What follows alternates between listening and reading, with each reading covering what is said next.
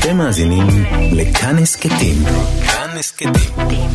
הפודקאסטים של תאגיד השידור הישראלי.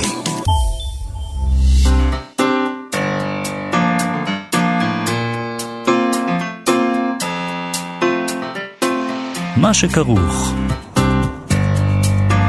עם יובל אביבי ומה יעשה לה.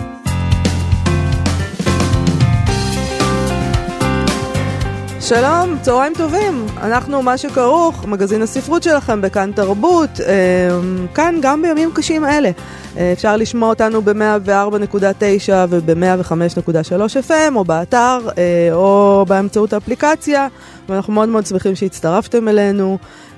כמו שאנחנו שמחים שאיתנו באולפן היום העומר מנחם שליט וגיא פלוויאן שעושים איתנו את התוכנית. אה, ושלום לך, יובל אביבי. שלום, מה יעשה לה? אנחנו משדרים כרגיל, אה, ונדבר כרגיל על ענייני ספרות, כמו שתכננו מבעוד מועד, אה, אבל במקרה של אזעקה, שתהיה פה, אנחנו באזור תל אביב, אז אנחנו נשים שיר ונרוץ לממ"ד, ואז נחזור. וככה זה יהיה, פשוט. אין דרך אחרת לעשות את זה. ככה זה עובד. Uh, מאוד מוזר שאתמול, אתה יודע, כי יש המון דברים שאנחנו לא יודעים פשוט, אז הם קורים מתחת לפני השטח. כן. אז אתמול היה נראה כמו יום רגיל לחלוטין, והנה היום...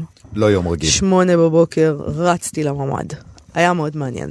Uh, אוקיי, uh, חוץ מהדבר הזה, הבוקר שלחו לנו אנשי כנס כיסופים, הודעה המיועדת לתושבי עוטף עזה, uh, שנמצאים תחת uh, מתקפת טילים רצינית ביותר.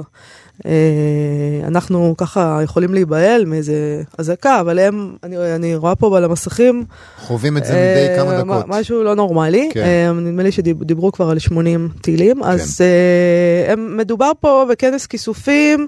על הודעה שהכנס הזה מתקיים החל מיום שישי הקרוב. קודם כל אני אגיד במכון ון ליר, 15 בנובמבר, ולאורך כל שבוע הבא, והשתתפו בו כל מיני יוצרים מוכרים מהארץ והתפוצות, א' ב' יהושע, מאיר שלו, ארז ביטון, יהודית רותם, יהושע סובול ועוד, וגם כל מיני יוצרים מחו"ל. אה, הוא מופק על ידי אגודת הסופרים העבריים, מרכז זלמן שזר ומכון ון ליר. אה, הוא עוסק אה, השנה בתפקידו של היוצר בשימור הזיכרון היהודי 80 שנה לאחר מלחמת העולם השנייה. אה, והם הודיעו שתהיה כניסה לכנס ללא עלות לתושבי עוטף עזה, לכל האירועים. אה, מי שרוצה ללכת, אה, לברוח קצת מהזה ולנסוע לירושלים וללכת לכנס כזה, נועם סמל, יושב ראש הכנס, אמר, אנחנו מחבקים את תושבי עוטף עזה ומזמינים אותם לקחת חלק באחד מאירועי התרבות הייחודיים של עולם היצירה. במסגרת הכנס גם נקים במה פתוחה אל תוך הלילה, בה אזרחים מן השורה קוראים משירי המגירה שלהם.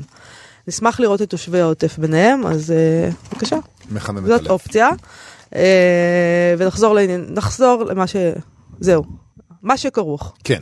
Uh, לפני uh, שני לילות צוין uh, יום השנה לליל הבדולח, ליל הפוגרום ביהודי גרמניה בשנת 1938, uh, ועכשיו הקוראים בעברית יכולים לקרוא uh, ספר שנקרא נוסע, זה, זה ספרו השני של אורליך בושוויץ. אה, שנכתב זמן קצר לאחר פרעות ליל הבדולח, ונחשב לאחד הראשונים שתיארו ביצירותיהם את גורלם של יהודי גרמניה. אנחנו נדבר על הספר עם העיתונאי אבנר שפירא, אה, שבדרך פתלתלה הצליח להיות אה, גורם משפיע מאוד בהוצאה של הרומן הזה. מחדש בגרמניה, זאת אומרת בחזרה, החזרה שלו לשיח הספרותי, בעצם זה שבכלל שמו לב אליו. אמ, אז אנחנו, וגם לתרגום לעברית, כן. הוא השפיע גם על הדבר הזה, אנחנו נשאל אותו איך הוא קשור. סיפור מדליק. אה, נבקש ממנו לספר לנו על הסופר הזה, ועל הספר עצמו, מה מיוחד כל כך? למה, למה אנחנו צריכים עוד ספר על המדף שיתאר לנו את הבדולח? חשבנו שאנחנו כבר יודעים הכל, ואני חייבת לומר שזה ספר מאוד מאוד מעניין. זה ספר מאוד מעניין, נכון. אה, עוד ספר מעניין מאוד. אה, אחד המיתוסים המערביים הנפוצים כיום על התרבות היפנית היא שהיפנים מכורים לעבודתם, שמקדשים את הקריירה, שמכוונים את ילדיהם מינקות למסלול מקצועי אה, קשוח, קפדני ודורשני, אבל מיפן מגיע גם הספר בשולי הנוחות של סייקה מורטה, אני מקווה שאמרתי זה נכון. הגיבורה שלו מתחילה לעבוד בחנות נוחות בגיל 18, ודווקא בעבודה שהיא לכאורה נחותה, משעממת, חוזרת על עצמה, שאין בה אפיק מקצועי מרגש, היא לא מתאימה למודל היפני של הקריירה, דווקא שם היא מוצאת שלווה וייעוד, בניגוד גמור למערכת הציפיות של המשפחה שלה. ויש בספר הזה אולי איזה ביקורת על הקיבעונות החברתיים היפניים, לא רק מבחינה תעסוקתית, אלא גם מבחינה משפחתית ומבחינה מגדרית. ואולי יהיו אפילו איזה, שוק, איזה סוג של... איזשהו חלק מכוחות בתוך החברה היפנית שמעשו בדבר הזה, שלא יכולים לעמוד יותר בלחצים אה, שעולם העבודה היפני אה, אתה מפעיל. חושב או שאתה יודע? אני חושב. כי אני לא, לא מומחית גדולה ליפן, אבל אני מאוד מתעניינת באנשים האלה, כי כן. זה מאוד מעניין אותי מה שקורה שם. כן. כי זאת, זאת חברה שפתוחה לחלוטין למערב מצד אחד, תבין, היא לא סגורה, היא לא טוטליטרית, הכל, הם מערבים, ומצד שני מצליחים לשמר את הדבר היפני הזה ואת הנוקשות הזאת, ואני בגלל זה חושבת כל הזמן, איכשהו זה נשאר ככה, למרות שהם פתוחים לחלוטין למערב, הם נשארים... אז... הדבר הנוקשה הזה, שכאילו בספר הזה רואים מאוד מאוד את, ה, את האופן שבו ה, ה, הילדה הזאת שהופכת לנערה, שהופכת לבחורה שעובדת בחנות נוחות, היא אדם שחסום רגשית לחלוטין, היא מבינה בעצם מילדות שאסור לה להביע את הרגשות שלה. נכון, והאמת היא שזה נורא מעניין מה שאת אומרת, כי צריך לזכור גם שהיא אומנם, אה, זה אומנם איזו התנגדות לעולם העבודה היפנית, ואיזושהי התנגדות לקריירה שמחייבים אותך לקחת, אבל מצד שני, היא בוחרת בעבודה כמה שיגדיר אותה. זאת אומרת, גם היא אה, מגדירה את עצמה לפי העבודה שהיא בוחרת, זה גם המפלט שלה, זאת אומרת, זה מאוד מעניין, יש שם יחסים נכון. מורכבים עם עולם העבודה, זה לא כזה פשוט, אבל, אה, אבל אני חושב שכן אה, כן יש יפנים שמתנגדים לדבר הזה. וגם בספר הזה יש ביקורת על הדבר הזה, אבל גם כמובן התייחסות אה, לזה שקשה מאוד להימלט מהסד הזה ברגע שאתה בתוך החברה. גם לנו קשה להימלט מה... מהסדים מה, שלנו. מהסדים שלנו. נכון, אה, זה אה, נכון. אה, לפני זה, לפני כל הדברים האלה, אבל בוא נדבר על יובל נוח הררי, מזמן לא עשינו את זה. אה, ליובל נוח הררי יש בהחלט יכולת אה, מרשימה לייצר כותרות. והפעם, זאת אומרת, זה, זה בעצם כותרת של אתמול, כי כרגע הכותרות הן שנורים זה, טילים על ישראל, כן. אבל אוקיי. זה מהתקופה שהיה נורמלי. זה פעם כשהיינו נורמליים אתמול. אה, איראן, אה, באיראן מחרימים את הספרים של יובל נוח הררי, הנה לך כותרת, התאחדות המו"לים בטהרן הכריזה שרכישת ספריו או מכירתם היא בלתי חוקית. בסוכנות הידיעות האיראנית הזהירו שמי שיעבור על ההוראה עלול להתמודד עם השלכות משפטיות. הלוואי, השלכות משפטיות נשמע לי קל. אה, אני לא יודעת יודעת אם איראן בדיוק השלכות משפטיות זאת הבעיה. כלומר, למה הם מתכוונים? הם אומרים השלכות משפטיות, הם אומרים אנחנו פשוט ניקח אותך ונשים אותך בכלא לכמה זמן שיבוא לנו, זה לא נקרא משפט. את, למה, למה יש לך תחושה שמערכת המשפט באיראן לא פועלת בצורה מדודה וקפדנית? אינטואיציה. יש חוק. אסור להפיץ את הספר הזה והזה. המפיץ יש... אה, יועלה לגרדום. לא, אז הוא הולך ותובעים אותו, יש שם תביעה ומעלים אותו בבית משפט, עושים את זה מסודר, למה את... אה, בסדר גמור. למה את ככה? סליחה מהאיראנים, אני נורא מצטערת. שלא יתבעו אותי דיבה. חס וחלילה. תביעת השתקה מהאיראנים. הכל לכאורה. אה, נגיד גם, כשהדבר הזה עכשיו, שהתאחדות המו"לים מכריזה על זה, אה, קורה אחרי שמשרד התרבות האיראני כבר, אה, כבר במאי הכריז על חרם. על יובל נוח הררי. אני בשוק שמשרד תרבות מכריז על חרם על מישהו. כזה דבר לא שמעתי בחיים שלי. כן, מה, למה? למה הם הכריזו על חרם? זה ממש את, מדהים. למה אסור... את, את, משרד ההשוואה... תרבות שמכריז, אני לא השוויתי כלום, אני אומרת, משרד תרבות שמכריז על חרם דבר, פשוט לא שמעתי דבר כזה, נו. הם דואגים מאוד בשל הניסיון הבוטה של יובל נוח הררי לקדם רעיונות כמו תורת האבולוציה למשל. כן. אה, ובאופן כללי, כפי שטענו, לפי מה שהבנתי מהידיעה ב-Associated Press, הוא מנסה לשכתב את ההיסטוריה, יובל נוח הררי בספריו. אה, ובכלל קיצונים במדינה, או לא קיצונים, פשוט כולם. אה, לא, לא, זה ממש לא, נכון, אני נורא לא, מצטערת. האיראנים, יש ציבור גדול באיראן שסובל מהממשל מאוד ולא חושב ככה. נכון. סליחה, נכון. עד כאן. עד כאן. עכשיו, אני עברתי את הגבול. עברת אותו. סליחה בפני האיראנים, אל תתבעו אותי. בכל מקרה, הקיצונים במדינה הביעו התנגדות להפצת הספרים שלו בשל היותו ציוני, כמובן. אמ, ובאופן כללי, בשל איזה דאגה שהספרים האלה הם, הם מסמלים חדירה של uh, התרבות המערבית למדינה, מה שהם רואים כחלק ממזימה מערבית uh, לפגוע בערכים האסלאמיים. בסדר, אני מניחה שהם מייחצנים אותו כי הוא פופולרי בעולם, ואז הם דואגים מהספר הזה, אבל באופן עקרוני כל ספר מערבי הם לא רוצים שיסתובב להם שם. Okay. אוקיי. בוויינט פרסמו תגובה מטעמו של יובל נוח הררי, שבה הוא אומר ככה, הספרים שלי עוסקים באתגרים שעומדים לפני האנושות כולה במאה ה-21. מלחמה גרעינית, קריסה אקולוגית ועלייתן של טכנולוגיות משבשות עולם כגון בינה מלאכותית וביוטכנולוגיה. חשוב שאנשים מכל המדינות והתרבויות ינהלו דיון משותף על האתגרים האלה, ושהדיון הזה יבוסס על עובדות מדעיות כגון אבולוציה, ולא על מיתולוגיות כיתתיות. לכן התעצבתי לשמוע שהמשטר האיראני אסר על הפצת הספרים שלי באיראן. אבל אני מקווה שלמרות שהמשטר האיראני פוחד מדיון מדעי חופשי, אזרחי איראן ימצאו דרכים להשיג ידע מדעי עדכני ולהשמיע את דעותיהם. זה הדרך שלו להגיד שכאילו יורידו את הספרים שלו באופן לא חוקי או משהו כזה? אה, הוא מקווה. תמיד אתה צריך לקוות שיורידו את הספרים שלך באופן לא חוקי. נכון. בוודאי. באיזשהו, מבחינה מסוימת אתה צודק. כן. מבחינה כלכלית זה לא כל כך טוב, ועניין הזכויות היוצרים... כלכלית זה לא הבעיה שלו. אני חייב להגיד שאני המום אה, שעד עכשיו אפשר היה לרכוש באופן חוקי ספרים של יובל אני לא בטוחה שזה אומר שהיה אפשר עד עכשיו. אתה חושב שזה אומר שהיה אפשר עד עכשיו? אני לא יודעת. אני חושב שאם אי אפשר היה, אז לא היו יוצאים בהכרזה הזאת, זאת אומרת, זה ללא ספק איזה תגובה. למשהו שקורה שם, mm. הרי אם לא היו ספרים שלו, אז לא היה צורך בכל דבר הזה. רגע, באיראן בעצם אם אתה נכנס לאמזון, אתה לא יכול להוריד מה שבא לך? איך זה עובד הדבר הזה? זה חסום בפניהם? אני לא חוויתי את זה על בשרי עדיין, אז אין לי מושג. אני לא יודע אה, מה קורה שם מבחינה הזאת, זו בהחלט שאלה. אבל יכול להיות שפשוט בחנויות הספרים יש את הדבר הזה, זאת אומרת... לא, לא. לא? למה? ככה, לא יכול להיות. יש חנויות ספרים משגשגות באיראן. בוודאי, אבל לא נראה לי שמישהו שם אה, העז להביא את יובל נוחר. מה תראה? זה מה שהפתיע אותי. אוקיי. לא בהכרח בתרגום לפרסית, אולי באנגלית. את יודעת, אנשים שם קוראים אנגלית. נכון. אמ, זה, אני באמת, זה מה שמפתיע אותי. אני שואל את עצמי, האם אם עכשיו יובל נוח הררי מסומן כציוני וכאויב האיראנים, אז פלגים מסוימים בישראל יסלחו לו למשל על סירובו להשתתף באירוע רשמי של הקונסוליה הישראלית בלוס אנג'לס, מה שקרה בעבר, או על דברים שהוא אמר בראיונות בעולם, כמו למשל, אני לא רוצה להיות נציג רשמי של ממשלת ישראל מפני שיש לי בעיה עם המדיניות הנוכחית שלה. הוא אמר, עבודתי כמדען מושתתת על חופש המחשבה וחופש הביטוי, ממשלת נתניהו תוקפת את יסודות החירויות האלה אה, עם השקפות לאומניות, אה, אה, הרבה מעבר לחוק הלאום, הוא אמר, אז הוא התייחס לחוק הזה. אה, המגמה בישראל ובעולם הוא להתנתקות מערכי היסוד של הדמוקרטיה הליברלית. אז למה ש... שיסלחו לו עכשיו? לא כי, עכשיו כי עכשיו הוא, הוא, הוא, הוא מוכתר כציוני וכאויב האיראנים, אז הוא בצד הנכון. לא. לא? יוצא לא. קרח מכאן ומכאן היה אה, אה, בעצם. תראה, באיזשהו אופן התגובה שלו לוויינט והדברים שהוא אמר על המדיניות הישראלית, עושה רושם שהוא מוצא דמיון שם. בין אה, האיראנים לבין המדיניות. ככה זה בהחלט נשמע. נכון? Hmm, מעניין, נחשוב על זה. נכון. בספר הנוסע שכתב אולריך בושוויץ, או בושוויץ, עוד מעט נראה איך קוראים, קוראים לו, אה, לפני כ-80 שנה, קצת אחרי אירוע ליל הבדולח בגרמניה הנאצית, מתוארת הבריחה מגרמניה של איש העסקים היהודי אוטו זילברמן.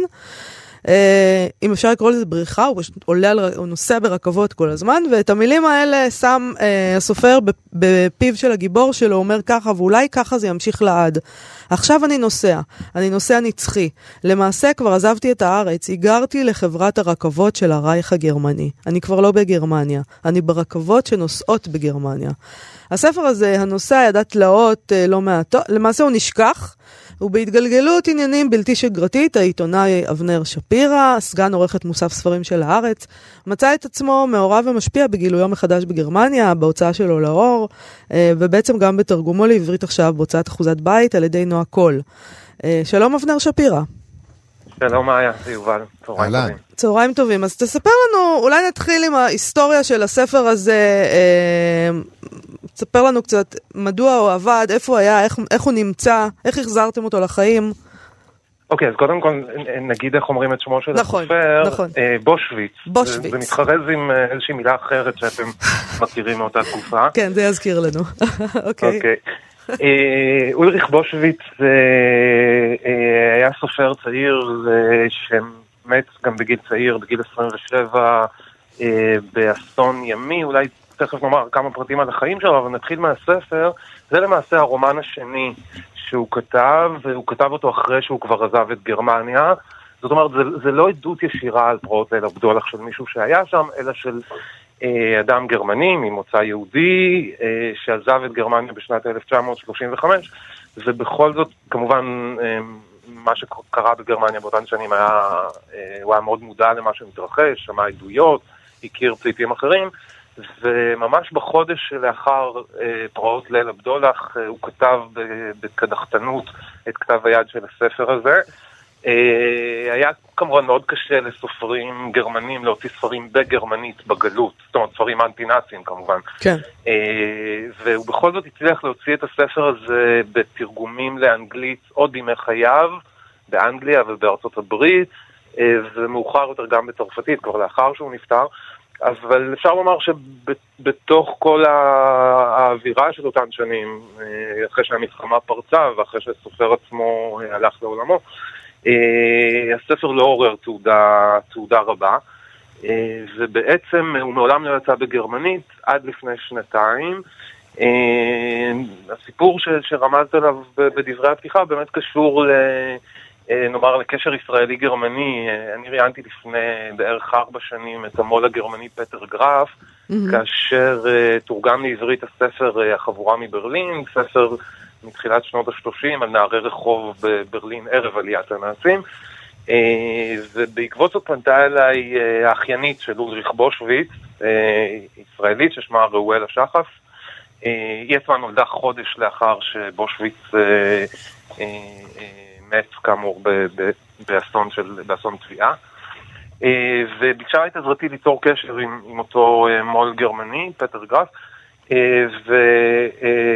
ובדרך אני סיפרתי על כך לנועה קול, מתרגמת ספרים מגרמנית, גם עורכת של תרגומים מגרמנית, והיא מצאה שקיים כתב יד בגרמנית של הספר, הוא מונח כאבן שאין לה הופכין בארכיון בפרנקפורט, וכך בעצם אה, אה, נוצר הפתח שבעזרתו אה, פתח גרף הלך לקרוא את כתב היד, החליט. אתה, אתה שמעת על בושוויץ לפני זה? אתה הכרת את הסופר הזה בעצם?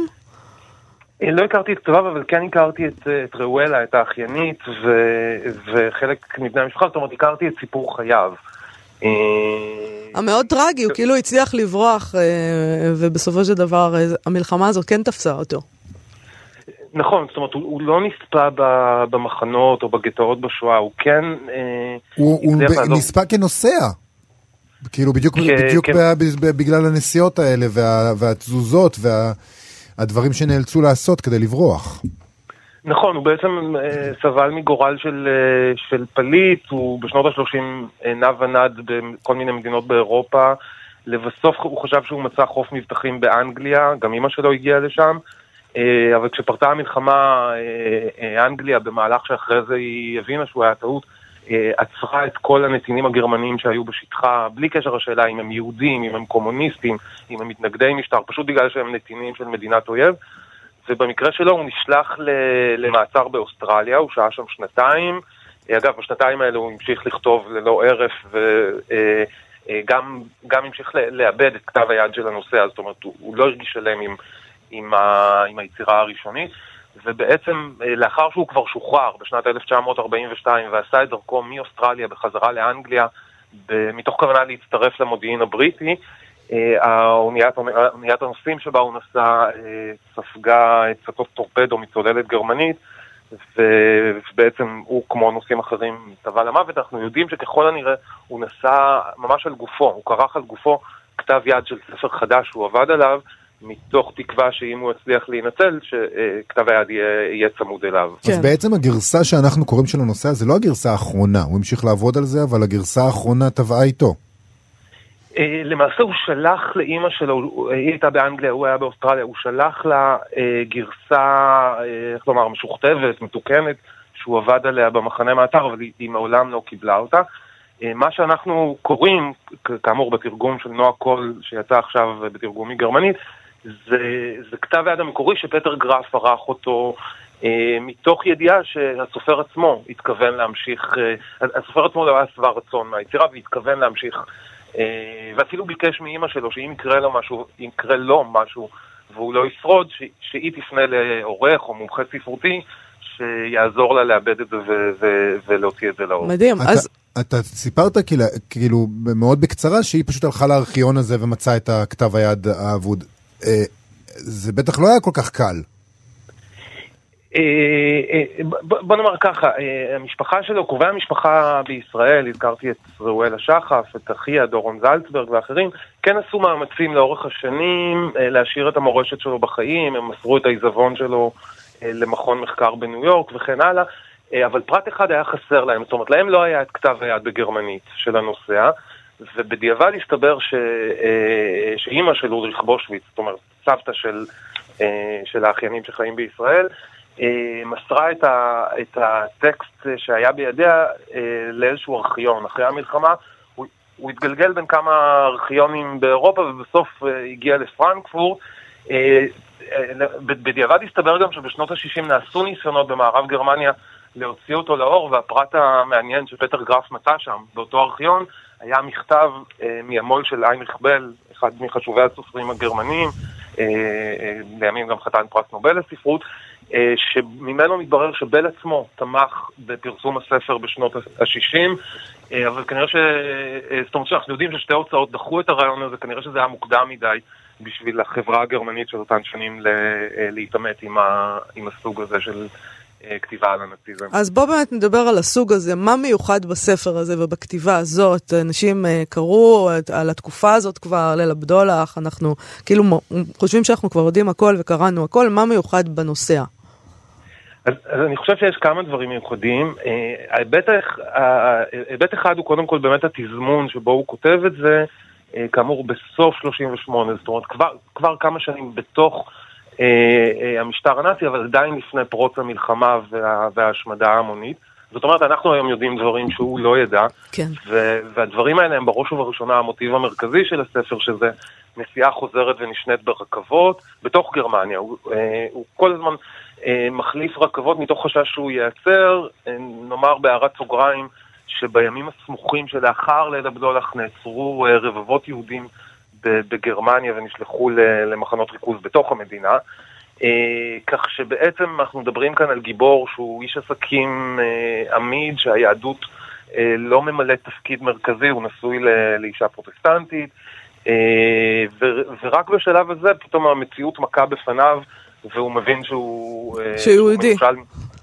כן, שהיהדות, אה, הרקע היהודי שלו אה, רודף אחריו, אם אפשר לומר כך. כן. לכן הייתי אומר שהמוטיב של רכבות כפתח לתקווה, כנתיב בריחה, כאופציה למילוט, או אפילו כאופציה להערים על השלטונות, היא, זה מוטיב שלא היה יכול להיכתב שנה-שנתיים לאחר מכן. זאת אומרת, הרכבות כאן הן, הרכבות הגרמניות הן במצב...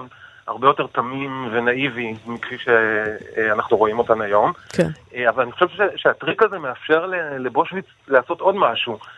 דרך הנסיעות החוזרות ונשנות ברכבות אנחנו רואים איזושהי פנורמה של החברה הגרמנית.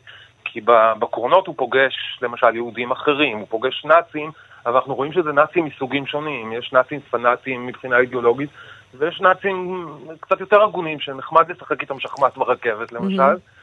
ויש קומוניסטים, ופתאום יש שותפות גורל בין הקפיטליסט היהודי לבין איזשהו פעיל קומוניסט שמסייע לו בגלל מצבו. ויש יהודים אחרים, ו... ובושוויץ עצמו, וזה אחד הפרקים החזקים בספר, פתאום מפתח מה שאפשר לקרוא לו אולי אוטו-אנטישמיות, הוא, אה, הוא סולד מהיהודים, אחיו לצרה שהכניסו אותו אל תוך אה, התסבוכת הזאת. כך שזה אומנם סיפור של בן אדם אחד, אבל דרכו אנחנו uh, פותחים חלון לתמונה מאוד מורכבת של החברה הגרמנית באותן שנים. ואיך הוא התקבל בגרמניה uh, כשהוא התפרסם מחדש? זאת אומרת, אמרת מקודם שבשנות ה-60 זה כנראה היה מוקדם מדי. עכשיו זה כבר בסדר? כן, אז זה התפרסם בגרמנית uh, uh, לפני שנתיים uh, בהוצאת קלט קוטה. ובאמת זכה לקבלה יוצאת דופן במובן הזה שהיו כתבות, ביקורות, הסתכלות עליו כעל תגלית ספרותית. אגב, לא יחידה, תגלית שמצטרפת לעוד כל מיני תגליות מה-10-20 שנה האחרונות של כתבי יד ש... שככה נשכחו והעלו אבק בכל מיני ארכיונים. הנתון המאוד מעניין הוא שהספר נמכר לתרגום ל-16 שפות. ובעקבות ההצלחה הזאת שלו, פטר גרף החליט להוציא לאור גם אה, רומן נוסף שבושוויץ כתב, שהוא למעשה הרומן, אה, הרומן הראשון שלו, שמתרחש בברלין, אה, בברלין של תקופת המשבר הכלכלי בתחילת שנות ה-30. פנטסטי, ותורגם גם לעברית, ככל הידוע לך? אה, אני לא יודע. נראה קודם כן. כל איך בושוויץ התקבל פה ואחרי זה החליטו בטח. כן. כן, אבל בקשר להתקבלות, אני חושב שעוד דבר שמייחד את הכתיבה שלו, שהיא כתיבה, כתיבה מאוד דרמטית, זאת אומרת, דיאלוגים מאוד חריפים, דרמה מאוד אה, אה, ניכרת, הייתי מדמה את הספר הזה, את הנושא על איזשהו רומן הרפתקאות, או אולי מותחן, אה, ומהבחינה הזאת לא מפתיע שהספר כבר עובד להצגה, להצגה בשוויץ, וזה גם אה, אה, מעיד, אני חושב, על ההתקבלות היפה שלו. אבנר שפירא, אני מאוד מודה לך על השיחה הזאת. אה, דיברנו, נגיד למי שרוצה לחזור, ללכת לקרוא את הספר הזה, על הנוסע, אולריך בושוויץ, אה, תורגם מגרמנית על ידי נועה קול, יצא באחוזת בית. תודה, אבנר שפירא. תודה רבה. תודה, להתראות. אה, אני רוצה עכשיו לקרוא כמה משורות הפתיחה של הספר בשולי הנוחות של הסופרת היפנית סייקה מורטה. שתורגם עכשיו לעברית בהוצאת כתר מודן על ידי עינת קופר, מתאר את חייה של אישה יפנית ש... אפשר להגיד, מוצאת נחמה מהלחץ המקצועי הבלתי פוסק אה, הקרייריסטי ביפן, אבל אולי מוצאת נחמה זה מילה לא נכונה לגבי הספר. אני לא הייתי אומרת שהיא מוצאת נחמה, אני הייתי אומרת שהיא, שהיא מוצאת את המקום הזה שבו האופן ההתנהלות ש, שנכפה עליה בעצם, כן. שלשם זה מתאים. כן. וזה בעיניי דימוי למשהו. בגיל 18 היא סוף סוף מוצאת את המקום שלה. אחרי שנים רבות של חוסר התאמה, סוף סוף היא מוצאת את, ה, את המקום שלה כזבנית בחנות בדיוק, נוחות. נכון. convenience store. נכון. Uh, היא כותבת כך, uh, זה ממש ההתחלה, אני מלקטת מידע דרך הקולות הרבים שברחבי החנות, בשעה שידיי מסדרות על המדף משולשי אורז ארוזים בצלופן שזה עתה הגיזו. הגיעו. בשעת בוקר זו, הדברים הנמכרים ביותר הם משולשים, אורז, כריכים וסלטים. אני מסדרת בקפידה את המזון הארוז, ראשית, משולשי אורז עם גבינת דג זעבון, מוצר חדש שאני מסדרת בשתי שורות באמצע, לידם משולשי אורז עם טונה במיונז, שהם המוצר הנמכר ביותר בחנות, ובקצה המדף אני מסדרת משולשי אורז עם שבבי דגים שלא נמכרים כל כך. כיוון שמהירות היא שם המשחק, השכל משמש כאן רק לעיתים רחוקות. הכללים שטבועים בי הם שנותנים הוראות לגוף. התיאור המונוטוני הזה וקצת משמים של משולשי אורז ממינים שונים, הוא בעצם לא כל כך סתמי כשאתה מתקדם אה, בספר, הוא בעצם, אה, קודם כל היא מדברת על איך שההוויה שלה זה הדברים האלה באמת, הכללים הטבועים בי, זה ממשיך ככה לאורך הספר, אבל בעצם יש כאן דבר מאוד מעניין בעיניי. קודם כל, אה, אה, זה טקסט שהוא בעצם מרד בתרבות הקרייריסטית המלחיצה והתובענית אה, ביפן, תרבות שיש לה השפעות אה, קשות על מוסד המשפחה ועל הבריאות הנפשית גם של תושבים ביפן, לפי מה שאני מבין, אבל מצד שני, כמו שאמרנו בהתחלה כשדיברנו על הספר הזה, היא כן משתמשת בקריירה שלה כדי להגדיר את עצמה, זאת אומרת, היא כן משתמשת בכללים הטבועים, באורח החיים של, של החנות הזאת, כדי אה, להגדיר תקשיב, היא אה, אומרת איך, שם, איך היא תחיה. סליחה, היא אומרת שם, כל מה שהיה לפני שנולדתי כעובדת חנות נוחות, זכור לי רק במעורפל. כן. זאת אומרת, כאילו, היא נולדה מחדש כעובדת בחנות כעובד... נוחות. נכון, זה מאוד מעניין. עינת קופר, המתרגמת, היא מהמתרגמות הבולטות מיפנית לעברית. בין השאר, היא הביאה לקורא העברי את מורקמי, בננה יושימוטו. אה, שלום עינת קופר. שלום. אה, אז אולי נתחיל באמת עם הדמות הזאתי, אה, קייקו, ש... ש... שהיא דמות מאוד מאוד אה, לנו כישראלים אולי לא ברור לגמרי עד כמה היא יוצאת דופן, או, או, אבל אולי נספר קצת עליה. מה, מה קורה לה בספר? אמ, אז היא נחשבה תמיד ילדה מוזרה, שההורים שלה והמשפחה הקרובה שלה דאגה איך היא תסתדר בעולם. וכשהיא הייתה בת 18 בלימודים באוניברסיטה, היא מצאה את העבודה הזאת בחנות נוחות. וזה הרגיע את המשפחה, כי זאת הייתה עבודה סטודנטיאלית שציפו ממנה לעשות, והם שמחו על כך שהיא מצאה לעצמה איזושהי עבודה מסודרת, אבל אה, עם השנים היא לא עוזבת שם. היא בעצם אה, ממשיכה לעבוד שם, עד שהיא בספר היא בת 36, היא לא נישאה, אין לה חבר, אף פעם לא היה לה חבר. אה, מתארים שם איזושהי קבוצה של חברות. אבל החברה מתחילה אה, לתהות אה, מה לא בסדר איתה. זאת אומרת, הם תהו מה לא בסדר איתה גם כשהיא הייתה ילדה, היא הייתה סוציאלית, אה, ילדה לא חברותית, שלא כל כך הבינה את ה... את הכללים. בדיוק, את הקודים ההתנהגותיים. והיא באופן אישי מצאה לעצמה את החלקת אלוהים הקטנה שלה במקום הזה, שהיא מכירה את הכללים שלו, יש להם user manual, יש ספר חוקים וכללים שמכתיב איך העובדים צריכים לפעול ומה הם צריכים לומר. היא גם מעתיקה את סגנון הלבוש והדיבור של האמיתות לעבודה שלה כדי שהיא תוכל אה, לשחק את התפקיד של בן אדם רגיל. אבל גם, גם התוכנית הטובה הזאת להסתדר בעולם לא באמת קורית בספר, הכל משתבש שם. משתבש בצורה זמנית ואז... אה, ואז היא מתקנת בסוף. ואז היא מתקנת, כן, חוזרת אז... למה שהיא מכירה. אני חושב שחשוב מאוד לדבר על הדרך שבה זה מתקן, אה, שבה זה משתבש, סליחה, לא מתקן, כיוון שמה שקורה זה שהיא בעצם אה, מאמצת ממש ככה. אה, יש שם דיבור על כחיית מחמד, אה, עובד אחר אה, בחנות. והם מנהלים כמעין, לא מערכת יחסים זוגית, אבל משהו שמאפשר להם להציג לעולם סוג של פאסון או, או איזה פסאדה של, של, של זוגיות, כדי שיעזבו אותם בשקט ויפסיקו להטריד את שניהם, אבל זה לא עובד. ואני חושב שמה שמעניין זה שהם עושים איזה מין... זה סוג של היפוך מגדרי, היא מפרנסת והוא בטלן, אבל מצד שני, הוא מתחיל לבוא אליה בדרישות. הוא רוצה שתמצא עבודה, הוא אומר לה, תמצאי עבודה טובה יותר כדי לפרנס אותי, את לא יכולה להישאר במקום התקוע הזה מבחינה קרייריסטית, כי אני צריך יותר כסף. כן. אז בעצם יש פה, יש פה לא רק אה, אה, נגיד אמירה על, על התרבות הקרייריסטית ביפן, אלא גם על מוסד המשפחה היפני. כן, המילה קרייריסטית או המילה קריירה היא מילה ממש גדולה בשביל uh, העבודה שהיא עובדת ובשביל השניים האלה. גם הצעיר הזה שמגיע לעבוד בחנות, הוא uh, דומה לה בניכור שלו מהחברה, בגלל זה היא גם מזהה אותו. Uh, הוא ציני מאוד ומריר, ויש לו דעות מאוד מאוד נחרצות על חברת בני האדם ועל מה הכפר במרכאות כפולות, שזאת חברת בני האדם, איך הכפר מתייחס לאנשים שהם שונים, אבל הוא לא רואה את עצמו שונה באותו אופן אה, שהיא שונה. הוא חושב, הוא דילוז'נל לגמרי, יש לו אשליות אה, קשות מאוד בקשר למקום שלו.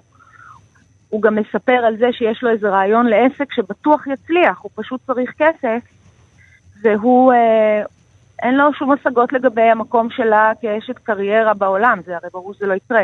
יש לו רק השגות לגבי זה שאולי כדאי שהיא תמצא עבודה יותר טובה, אם הוא מסכים כבר לגור איתה בבית, כדי שהיא באמת תוכל לפרנס אותו בתוכניות הגדולות שיש לו לעסק. זאת אומרת, שני האנשים האלה הם אנשים ממש מקולקלים. אה, לאחת מהן אין שום אשליות, והוא מלא באשליות. והם שניהם מצאו מקלט אחד אצל השני. היא חושבת שאם היא תגיד לאנשים שסביבה שיש גבר בבית, אז הם יניחו, יצאו מנקודת הנחה שיש שם זוג, זוגיות, מה שאין.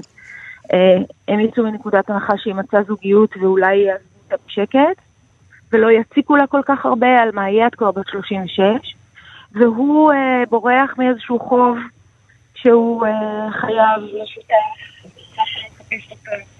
כי המשפחה שילמה את החוב שלו, אז הוא מתחבא אצלה, ובגלל זה הוא גם אומר לה, אל תגידי לאף אחד שאני פה. עד כמה מדובר פה אה, בטקסט שהוא בעצם ביקורתי אה, על החברה היפנית, ככה אני קראתי אותו, אבל לא יודעת, אה, אני קראתי טקסט מאוד מאוד ביקורתי על החברה היפנית, על הנוקשות, על, ה, על הדבר הזה שאתה לא יכול לצאת מהקווים, יש קווים. הילדה הזאת, היא, היא, היא לא ידעה להתנהג כילדה, ולכן בעצם גרמו לה להיות אדם שמתנהג כמו רובוט. אוקיי? ויש כאן איזו אמירה על החברה היפנית, את לא חושבת? אה, כן, חלק מהדברים שאמרת נכונים וחלק לא נכונים. יש פה אמירה על החברה היפנית. אה, אני לא חושבת שהיא, אה, שהחברה גרמה לה להתנהג כמו רובוט, היא הייתה ילדה יוצאת דופן. והיא מצאה את המקום שלה, אה, עבודה בחנות נוחות, מה שאנחנו קוראים היום בישראל האנשים השקופים, mm-hmm. אנשים שלא רואים אותם. גם שם, המקום הזה של חנות נוחות, בעצם אה, אנשים ש... או שזאת עבודה סטודנטיאלית, משהו אה, לסתום חורים, או שזה בעצם אנשים שאתה לא שם, אתה בכלל לא מבחין בהם, הם נותנים לך שירות והולכים, והיא מצאה שם את המקום שמתאים לה. אם המשפחה הקרובה שלה הייתה מבינה את זה והייתה עוזבת אותה בשקט, אפילו היא הייתה יכולה לשמוח בחיים המאוד מאוד קטנים האלה שיש לה. אבל uh, אני חושבת שיש פה, פה איזושהי אמירה כמובן על החברה היפנית. אני חושבת שהאמירה הייתה יותר חזקה ומעניינת בעיניי, דעתי mm-hmm. האישית. אם היא לא הייתה עושה, אם הסופרת לא הייתה בוחרת בגיבורה ראשית שהיא אנטי גיבורה, אלא הייתה בוחרת באישה שאומרת, אה, זה לא מתאים לי. אני בוחרת להיות, אני בוחרת לא להינשא, או אני בוחרת לא להקים משפחה, כי אני רוצה לממש את עצמי. שם הייתה לדעתי אמירה יותר חזקה ויותר מעניינת, יותר מודרנית. כן, כאן זה בעצם איזו אה, תולדה של, של איזה של לקות בדיוק, נפשית. בדיוק. אני, זו בחורה שהיא גם ככה מבולבלת מבחינת המקום שלה בחברה מלכתחילה. והחברה באמת לא כל כך סובלנית כלפי זה. אני לא, אני לא יודעת אם זה בהכרח יפני. Mm-hmm. בדוגמה הזאת שלה, אנחנו באמת רואים יפה איך בן אדם שבאמת יש לו קשיים והוא מודע לקשיים שלו, אומר, עזבו אותי, פה טוב לי. בספר ב- ביפנית נקרא コンビニ人間, אנשים של חנות נוחות. חנות נוחות זה לא מה שאנחנו מתארים פה תחנות דלק בהכרח. חנות נוחות זה מין איזה מיני מרקט שהוא ממש ארוג וטווי בתוך החברה היפנית העירונית. זה, זה מקום שבן אדם נכנס אליו המון אה, במשך היום-יום שלו. אז דווקא אנשים שנמצאים במקום הזה, הם נמצאים במין איזשהו מנגנון שהוא כי לכאורה לא חשוב, אבל הוא משרת המון אנשים. כן. והיא, על בסיס יומיומי. והיא הייתה יכולה להישאר בשקיפות הזאת, בנוחות שלה, בגלל זה גם קראתי הספר בשולי הנוחות. כן, היא בשוליים, אבל נוח לה שם. רק הלחץ הזה של האנשים שקרובים, או של החברה, נו, מה איתך ולמה את לא מתחתנת, מה לא בסדר איתך, זה אני יכולה להגיד לכם מכל אישי שיש גם בחברה הישראלית. החברה כן, הישראלית נכון. חברה מאוד שמרנית ומחטטת ומשפחתית, ואנשים רוצים לדעת מה לא בסדר איתך אם לא, לא נכנסת לתלם המשפחתי הזה. Uh, מבחינת קריירה אולי אפשר להגיד את זה קצת פחות, מפני שגם היום נשים ביפן לא מצופה מהן קריירה. יש נשים שהולכות לעבוד, ואפילו נשארות בעבודה אחרי שהן נישאות, אבל בדרך כלל כשנולד להן ילד, uh, שם נגמרת הקריירה. Uh, והחברה גם בנויה ככה. וגם את זה אנחנו יכולים להקביל לחברה הישראלית במידה מסוימת. הרי תמיד מצפים מהאישה שתוותר על הקריירה או על המשפחה או... כן, צריך לבחור, נכון. שביל הזהב, בדיוק. Mm-hmm. אין באמת שביל זהב. אז בחברה היפנית, כיוון שהיא חברה יותר מסורתית והיא קצת מהבחינה הזאת של תפקידים אה, מסורתיים נמצאת טיפה יותר מאחור, אה, אז אני אומרת שוב, אם היא הייתה בוחרת במין איזה בחורה שאומרת, אני אמיצה ואני רוצה קריירה ואני מוכנה להתמודד עם הלחץ של החברה למה אין לי ילדים, אז הייתה פה אמירה מסוג אחר. כן. פה יש באמת uh, אמירה על חברה שלא מקבלת כי לא נוח להם. את גם רואה, אתם גם רואים שבספר החברות האלה, שהן גם, uh, זה קצת מוזר לי שיש לה חברות כל כך נורמטיביות, זה כנראה לא היה קורה uh, באמת בחברה היפנית. בחורה שהיא עד כדי כך uh, חסרה כישורים סוציאליים, אין לה בדרך כלל מערך של חברות שהן... כן אה, אה, חברות מן המניין בחברה, וחלקן יש להן בעלים מצליחים, והן מממשות את עצמן מבחינת האימהות שלהן, הן לא היו מתרועעות עם אה, בחורה מהסוג הזה. אני חושבת שהסופרת אה, הכניסה אותן כדי להראות איך נראית חברה נורמלית.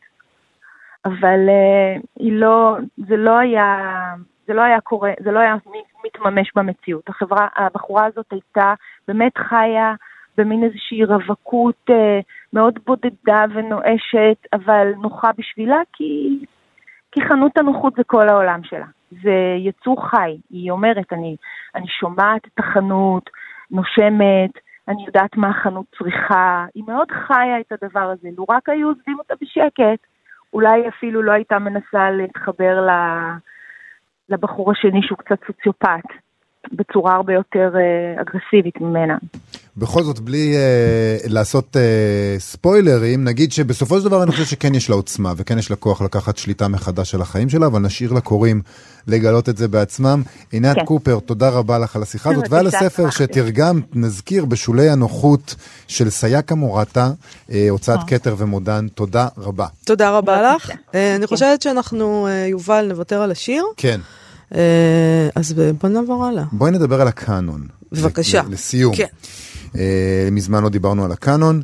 הכל התחיל בציוץ מטוויטר מפי העיתונאי האמריקאי ריין בקווית. הוא שאל את עוקביו שאלה פשוטה. מהו הרומן הגדול הכי גרוע שקראתם? והגולשים נענו לקריאה ושפכו. הנה כמה מהתשובות. בטוויטר הם לא גולשים, בטוויטר הם צייצנים. צייצנים, סליחה, אני לא... הז'רגון, כן. הז'רגון מפוספס עליי, כמובן. כמה מהציוצים שרשור עוד אומרים בטוויטר? שר... כן, שרשור. כן, בבקשה. אז השרשור הזה הפך לארוך יותר מרוב הרומנים הגדולים שמוזכרים בשרשור הזה, ואחד הגולשים עונה, מלחמה ושלום, או איך שאני אוהב לקרוא, לנחור בשלום. באנגלית זה כמובן נשמע יותר טוב. לצידו מוזכרים גם אנה קרנינה, ואולי זה הזמן להזכיר שגם אני לא מחובבי טולסטוי, אבל אני לא הייתי אומר שאלה ספרים גרועים, כן? לא הייתי קורא לזה הרומן הגדול הגרוע, אני רק לא נהניתי מהם. אוקיי, okay, גולשת uh, אחרת, כלומר צייצנית, הזכירה את דיוקן האומן כאיש צעיר, uh, ואחרת ציין את פרנקנשטיין, ואין ספור uh, מה, מהצייצנים דיברו על התפסן בשדה השיפון כמובן, שזה אוהבים להשמיץ אותו. גם אתה אוהב להשמיץ את סלינג'ר, אה, מישהי כתבה עליו, זה היה כה גרוע שהמשכתי לקרוא רק כי אמרתי לעצמי, לא ייתכן שזה לא ישתפר. זה לא. מזכירים שם גם את גצבי הגדול וכל מיני ספרים של ארנסט המינגווי, וכמובן שיוליסס, זה חובה, ויש מי שהפטיר גם ג'יין אוסטן, אלו סתם רומן, רומנים רומנטיים. עוד ספרים שמוזכרים שם, ענבי זעם, אה, הגלגול של קפקא, הנסיך הקטן, אה, שעליו אה, טען מי שהזכיר אותו, לקרוא בו מרפא שמחה. זה היה הניסוח, Cures Happiness. Uh, בשוכבי גובעת של פוקנר כתבה עליו מישהי, אני מניחה שאצטרך להגיע למצב שבו אני שוכבת גובעת כדי לנסות לקרוא בו שוב. מאוד, uh, מאוד uh, פרוזאיים, הצייצנים. על מובי דיק מישהו כתב, הייתי בעד הלוויתן. Uh, וכמובן שהיה צריך שם uh, גם את המתחכם הזה שיענה התנ"ך. Uh, כל כך הרבה חוסר עקביות בתנ"ך. דמויות עוצמתיות משעממות ואי אפשר להתחבר אליהן. כל כך נרקסיסטי. בסדר. זה כנראה, אני מניחה, אני מקווה בשבילו שהוא יתבדח. Uh, היו כאלה שכל העסק לא מצא חן ביניהם, אחד שם כתב, אף אחד מאלה שענו לשרשור הדבילי הזה לא קרא ספר מאז כיתה י', אני תומכת בו. Uh, או אחד אחר שאמר, וואו, השרשור הזה הפך לרשימה ענקית של המלצות קריאה מצוינות. שזה נכון, נכון. נכון. אה, לא נעשה כאן את הטעות של לענות על השאלה שהציתה את כל העניין, כי בקריאה של המסה של התשובות לשאלה הזאת מתברר כמה פתטי זה עלול להיות. אבל הדיון הזה גרם לברנדי ג'נסון מאתר The Outline אה, לכתוב מאמר תגובה שבו יש אה, תגובה ניצחת לעניין הזה. היא כותבת, כשנשרתי מלימודי הספרות חשתי ערבוב של רגשות, חרטה, מבוכה, לא מעט צדקנות והרבה מאוד הקלה, הקלה שלא אצטרך להתווכח יותר על הקאנון המערבי המזופת. אבל לא כתוב שם מזופת, כתוב שם משהו אחר שמתחיל במזו. היא מעידה על עצמה, איזה סתומה הייתי, כי זה בדיוק מה שהמשכתי לעשות בשנים שלאחר מכן, והיא ממשיכה וכותבת, ההתעמקות בהורדת הנרי ג'יימס מהמעמד שלו אה, ממשיכה. ממגוון סיבות, וכולן מאוד טיפשיות. הראשונה והנסלחת ביותר היא אי צדק היסטורי, וזה נכון שבמשך הרבה שנים היצירות של כל מי שלא היה גבר לבן נשכחו, כך שיש תשוקה להגיד, הספרים האלה היו בעצם רעים. אבל היא מזכירה, זה לא טיעון מתוחכם מדי וגם לא חדש. וגם ש... לא חכם כל כך, כן. אני אגיד. כשהיא אמרה לא מתוחכם, לדעתי לזה היא התכוונה, היא ניסתה להיות מנומסת אולי. Mm. Uh, טיעון uh, נוסף שהיא מזכירה הוא השנאת הספרות על הילדים שמכריחים אותם לקרוא את היצירות האלה, והיא אומרת, אני לא בטוחה שהסוגיה הבוערת ביותר של מערכת החינוך הציבורית היא מה אנחנו מכריחים את הילדים לקרוא. אני מצטערת שהיה לכם מורה אכזרי ולא אחד כזה שאומר לכם שהמילים של להיטי הפופ שלכם הם בעצם שירה. אז היא בעצם אומרת שיש פה הסבר די פתטי ואגואיסטי, במקום להכיר בכך שיש יותר מדי ספרים טובים לקרוא ומעט מדי זמן לקרוא אותם, אפשר פשוט uh, לפתור את הבעיה ולהכריז על הקאנון כגרוע, ואז לא צריך לקרוא אותם בכלל. Uh, וזה נכון גם לגבי, היא, היא כותבת, זה נכון גם לגבי מישהי שלא קרא את, את Infinite Just uh, בערך, כי דיוויד פוסטר וואלאס התייחס רע לנשים, אבל בעיקר כי הוא נורא נורא נורא ארוך. והיא מסיימת בכך שלטעון שספרים שאמרו לכם שחייבים לקרוא הם בעצם מוערכים יותר על המידה, זה פשוט דרך נוחה לוותר לעצמכם ואפשר להסכים עם הדבר הזה.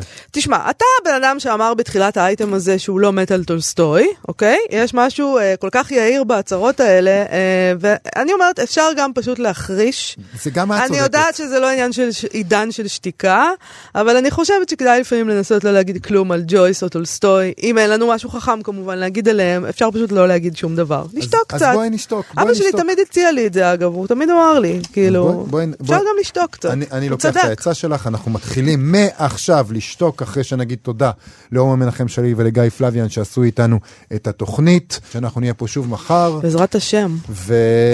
ונקווה שיירגע, להתראות. כן, להתראות.